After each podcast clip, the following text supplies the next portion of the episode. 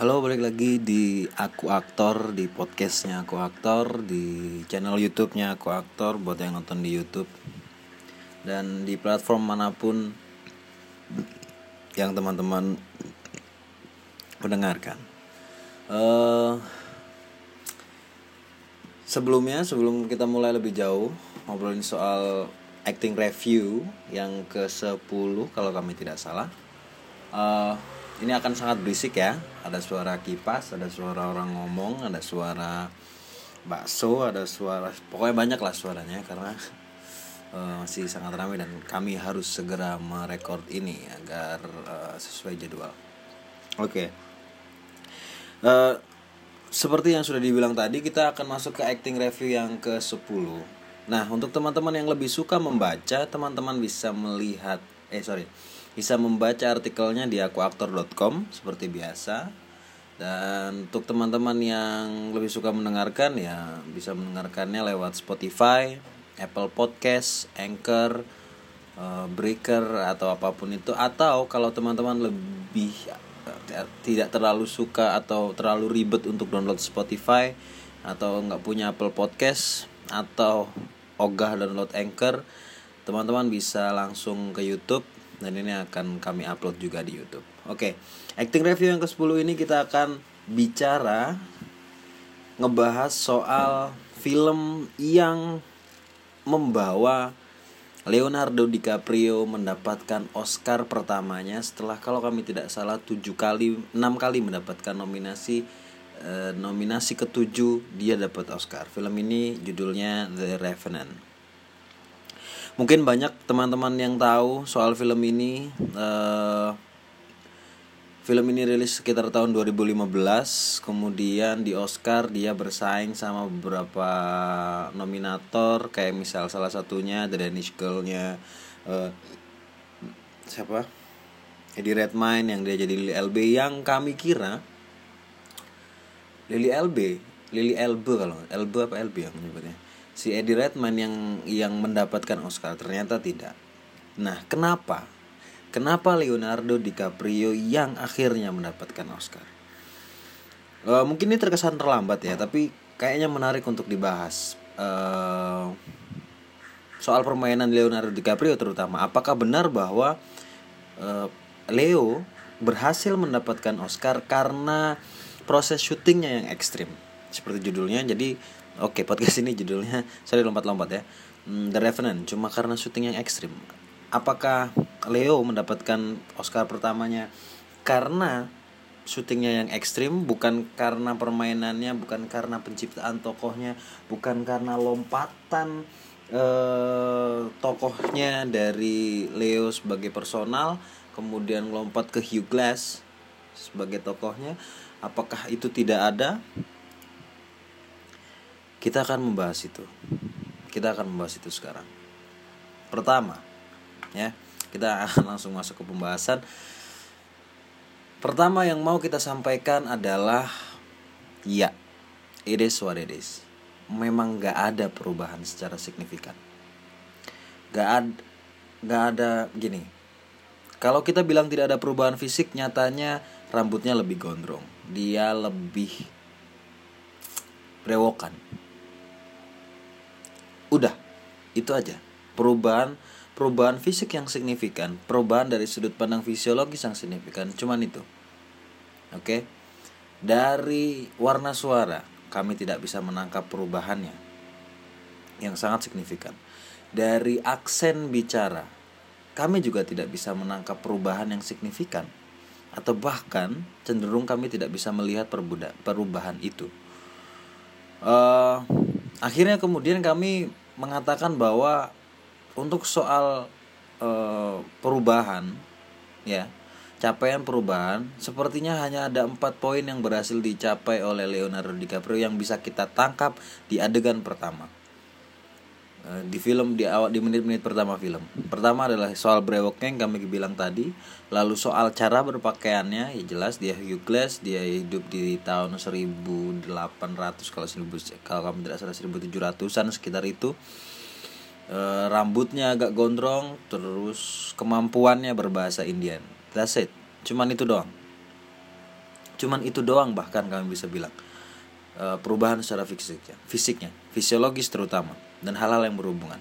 Uh, kami tidak bisa menemukan per perubahan yang lain. Kenapa bisa begitu? Uh, Leo sepertinya menciptakan beberapa bagian saja dalam toko ini. Uh, dia mungkin belajar cara mengucapkan bahasa Indian. Tapi dia yang memainkan Ugles yang kita bilang tadi sepertinya juga tidak banyak berubah warna suara dan aksen. Bahkan yang menurut kami cukup mengejutkan yang tidak ada perubahan adalah cara menyusun emosi sedih. Cara menyusun emosi di beberapa emosi, misalnya di emosi sedih. Teman-teman bisa melihat cuplikan uh, adegannya di artikel adegannya itu adegan ketika Euclides marahin anaknya karena anaknya berantem sama tokohnya Tom Hardy si Fitzgerald. Nah itu kita bisa ngeliat bagaimana dari marah kemudian ke emosional. Polanya caranya nadanya itu sama. Sam, maksud kami sama adalah sama dengan Leo di film-film sebelumnya. Kita bisa bilang Wall of Wall Street kita bisa bilang Inception terus Shutter Island uh, sama caranya sama. Teman-teman bisa membandingkannya dengan video yang juga ada di artikel. Kami sudah menyediakan videonya bisa teman-teman lihat. Misalnya bandingkan dengan Shutter Island misalnya. Kita bisa melihat pola sedih dan emosional yang sama. Polanya sama. Lalu di Inception kita bisa melihat pola e, marah ke arah emosional itu juga sama. Oke. okay. E, itu kenapa kemudian kami bilang bahwa cara Leo menunjukkan emosinya sama dengan permainan-permainan yang sebelumnya sehingga e, kami mempertanyakan apakah e, dengan capaian yang segitu capaian permainan yang segitu ya Leo layak untuk mendapatkan Oscar. Kita belum berhenti kita akan bahas lagi. Terus misalnya di video itu juga ada adegan di Blood, Blood Diamond misalnya Kita bisa mendengar sedikit perubahan aksen Tapi kita tetap bisa menangkap cara pengungkapan kesedihan yang sama. Nah kita bisa lihat bahwa dari dua video tersebut Soal capaian fisiologis dalam hal ini perubahan fisik uh, Warna suara Dan aksen tidak terjadi perubahan yang sangat signifikan.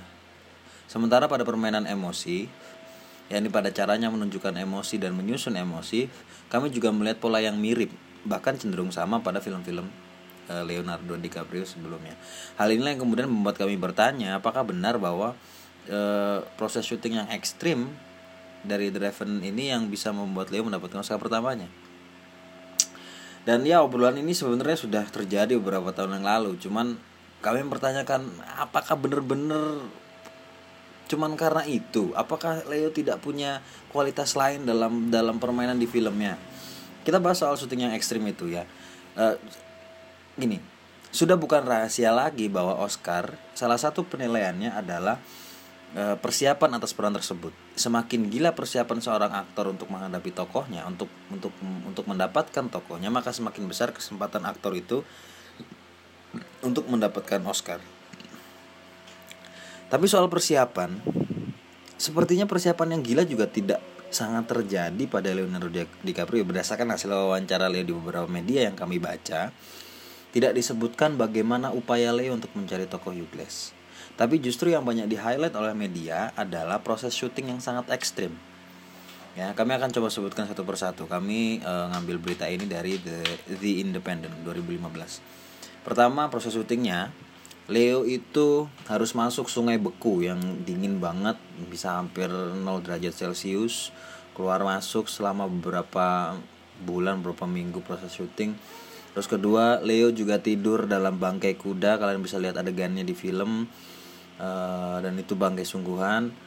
Terus memakan daging bison mentah hati sebenarnya itu di mana kalian juga bisa melihat adegan itu. Dan di adegan itu kita bisa lihat Leo muntah dan kita juga sempat mempertanyakan apakah itu pertama apakah muntahnya adalah muntahnya Hugh Glass atau muntahnya Leo yang kami kemudian tahu bahwa Leonardo DiCaprio adalah seorang vegan. Oke. Dedikasi semacam itulah proses syutingnya ekstrim kayak gitulah yang kemudian ternyata juga disukai oleh para pemilih Oscar.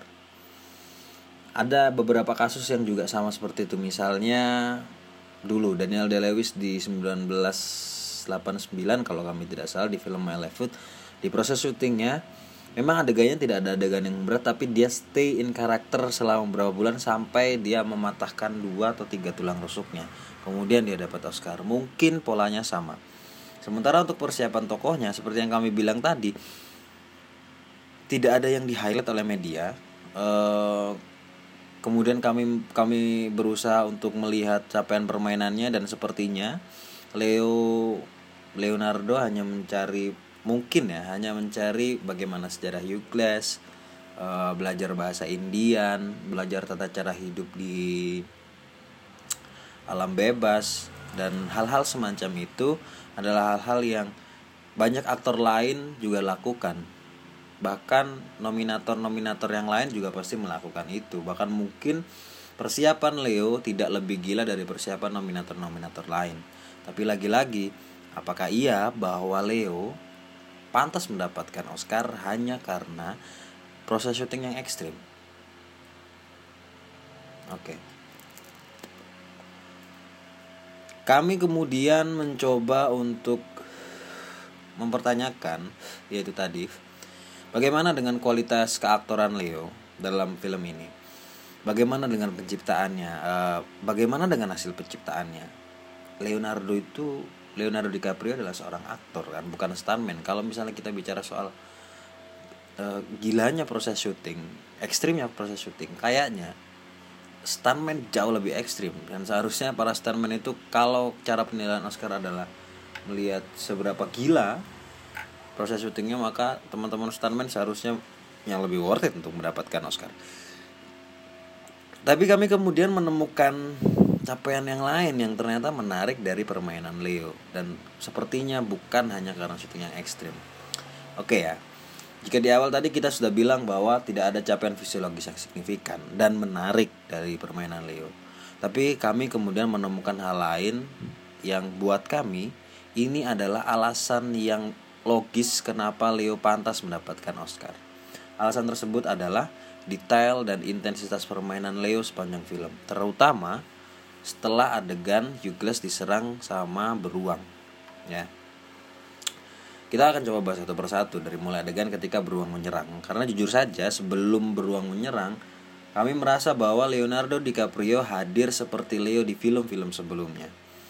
Ya, polanya sama, cara menunjukkan emosinya sama, bahkan mungkin tidak ada perubahan yang sangat signifikan. E, di adegan penyerangan terus kemudian kita akan bahas satu-satu di adegan penyerangan beruang itu ya. Pertama kita tahu bahwa adegan itu adalah CGI ya. Dan meskipun menggunakan efek CGI, Leo berhasil menghidupkan beruang tersebut. Bukan hanya menganggap beruang itu ada, tapi pada tiap gigitan beruang itu pun kita bisa melihat Leo mampu mewujudkan rasa sakit dengan tepat, baik alasan maupun porsinya. Keberhasilannya menyampaikan rasa sakit itu tidak hanya terjadi ketika penyerangan beruang, tapi setelah penyerangan beruang selesai. Nah, setelah penyerangan beruang itu, kami bisa melihat intensitas kesakitan dan tingkat detail yang tinggi dari semua respon Leo atas apa pun yang menyentuh tubuhnya. Dia berhasil membuat penonton percaya, percaya bahwa uh, Leo benar-benar sakit parah di seluruh bagian tubuhnya dan sulit menggerakkan tubuh. Lalu salah satu yang juga menarik adalah respon dan laku Leo setelah dia nggak bisa bergerak sama sekali terutama ketika adegan dia sama Tom Hardy saat adegan itu kan kita bisa lihat bahwa dia disuruh berkedip agar tokohnya Tom ini Fitzgerald itu bisa ngebunuh si Leo si Hugh Glass di adegan tersebut kita bisa melihat Leo berusaha menggerakkan badannya tapi tertahan. Kita juga bisa melihat kesakitan yang amat sangat serta emosi lain dalam pandangan mata Leo. E, kita tahu bahwa sedang terjadi sebuah pergolakan besar dalam pikiran dan perasaan tokoh. Kita bisa melihat gejolak itu dari ekspresi wajah yang minim, pergerakan serta suara yang tertahan. Apalagi ketika anaknya dibunuh oleh Tom Hardy, ya, kita bisa melihat gejolak emosi marah dan sedih yang sangat besar, penyesalan mungkin juga. karena dia tidak bisa melindungi anaknya. Uh, tapi lagi-lagi Leo sadar bahwa tubuhnya itu tidak bisa bergerak kala waktu itu ya uh, terbatas pergerakannya. Sementara dia harus menyampaikan semua gejolak emosi dalam dirinya. Nah, dengan sisa perangkat yang dimilikinya, yang otomatis yang dia punya cuman gerakan kepala dan ekspresi wajah dia bisa menyampaikan dengan baik emosi tersebut bahkan dengan keterbatasan to keterbatasan tokohnya itu intensitas terus vibrasi atau getaran dari tokoh itu dari emosi tokoh itu bisa tersampaikan dengan sangat baik pada penonton. Uh, selain keberhasilannya menyampaikan emosi dengan perangkat yang dimiliki tokohnya Leo juga berhasil menumbuhkan kesakitan si tokoh dengan baik dan konsisten. Kami bisa melihat uh, dari setelah penyerangan beruang, lalu setelah anaknya meninggal, berlanjut ketika ia merayap dari kuburan hingga akhirnya benar-benar sembuh, kesakitan tokoh itu tumbuh. Bukan hanya tumbuh menjadi lebih sehat ya, tapi tumbuh sesuai dengan kondisi tokohnya itu yang menarik. Um, misalnya ketika adegan dia bertemu dengan Indiana yang lain, gitu. setelah adegan memakan hati bisa mentah, nah setelah adegan itu si Indian kan ngebantu Leo untuk mengobati lukanya. Indian tuh kalau nggak salah bilang lukamu membusuk dan bla bla bla lah. Nah kita bisa lihat ketika si Indian itu naruh semacam ramuan ke lukanya Leo, kita bisa lihat respon kesakitan yang muncul. Meskipun itu kecil, meskipun itu cuma sepersekian detik, tapi menarik, logis dan sama Leo nggak dilupakan. Bahwa dia masih menghidupkan, dia masih sadar bahwa sekujur tubuhnya itu sedang sakit, sedang sedang membusuk bahkan. Itu yang menarik. E, selain itu, tidak hanya soal perkembangan kesakitan si tokoh ya, berdasarkan kondisi tokohnya tapi letak sakit si Hughes si tokoh itu. Leo tampaknya mengamati betul di bagian mana si Hughes ini merasa sakit. Misalnya ya bagian mana yang sakit banget? Bagian mana yang cuman perih dan Leo memperhatikan semua bagian itu sehingga ketika di beberapa adegan bagian yang misalnya bagian yang perih aja dipegang maka yang muncul cuma ekspresi nyengir. Dan ketika bagian yang sangat sakit dipegang ekspresinya ekspresi sakit banget dan kita bisa menangkap itu. E, menurut kami apa yang dilakukan Leo butuh tingkat analisis yang tinggi dan perhatian yang sangat detail terhadap toko. Kalau Leo tidak memberikan perhatian yang detail dari toko untuk toko dari ujung kepala sampai ujung kaki, dia mungkin tidak menyadari soal seberapa sakit tanganku ketika dipegang, seberapa sakit leherku ketika dipegang, seberapa sakit perutku ketika dipegang dan lain sebagainya. Karena pasti secara medis setiap bagian itu nggak nggak semua bagian bisa bisa memunculkan rasa sakit yang sama dan itu sepertinya diperhatikan betul oleh Leo. Nah, e, balik lagi soal pertumbuhan si toko tapi kita nggak akan bahas soal e, bukan soal e, pertumbuhan kesakitannya aja ya tapi pertumbuhan toko secara keseluruhan. Kita bisa melihat bagaimana e, suara bisa tumbuh dari tidak bisa bicara sorry dari bicara dari dari bicara kemudian tidak bisa bicara kemudian pelan-pelan mulai agak bisa bicara meskipun serak. Kita bisa melihat perubahan yang logis dari suaranya. Uh, dan kita bisa membaca juga ekspresi wajahnya bahwa ada sesuatu yang sakit di tenggorokannya. Meskipun dia bisa bersuara. Itu menarik. Meskipun lagi-lagi aksennya tidak berubah ya. Aksennya tetap aksen yang sama. Uh, sepanjang film juga kami melihat bahwa Leo ini sedikit berdialog dia cuman mungkin banyak dialog di awal dan akhir film doang di luar itu dia hanya banyak silent act. Tapi justru ketika hanya melakukan silent act, Leo berhasil menunjukkan semua emosi tokohnya dengan intensitas yang terjaga baik. Dia bisa menjalankan salah satu tugas aktor yaitu menjadi penyampai pesan yang baik. Ya memang kalau dipandang dari sisi fisiologis, terutama di bagian awal sebelum tokohnya diserang beruang, tidak ada perubahan signifikan, bahkan cenderung tidak ada perubahan sama sekali. Tapi setelah diserang beruang, Leo berhasil menunjukkan kualitasnya sebagai seorang aktor. Bukan cuma soal uh, dedikasinya menjalani syuting yang ekstrim, tapi juga soal kelihayannya sebagai aktor untuk memainkan emosi, memainkan respon, menyadari pertumbuhan tokoh, menyadari perangkat yang dimiliki tokoh, menyadari detail sensoris yang dimiliki tokoh hingga akhirnya dia bisa menyampaikan pesan dengan baik. Itu. Nah uh, jadi apakah Leo mendapatkan Oscar cuma karena syutingnya ekstrim? Setelah kami melihat dan mereview atau menganalisis permainannya bukan. Bukan cuma karena syutingnya ekstrim.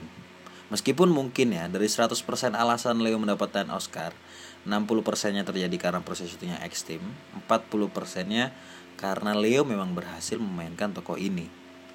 Berhasil detail, berhasil menunjukkan uh, emosi, pergolakan emosi, perjalanannya, detail tubuhnya, detail sensorisnya, bagaimana uh, rasa sakit di toko itu bisa ditunjukkan dengan detail dari ujung kepala sampai ujung kaki, bagaimana kondisi uh, tokohnya tumbuh, bagaimana alam mempengaruhi kondisi tokohnya dan dan ber, dan segala macam.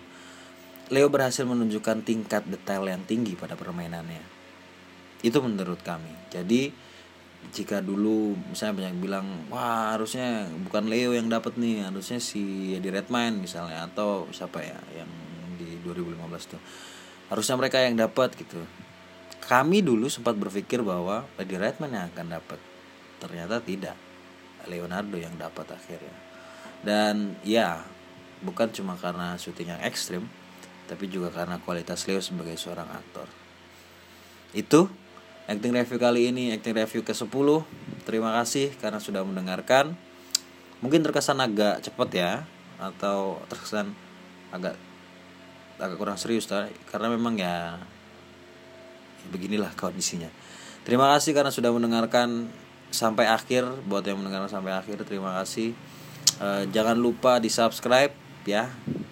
Jangan lupa di follow juga instagram kami di aku aktor.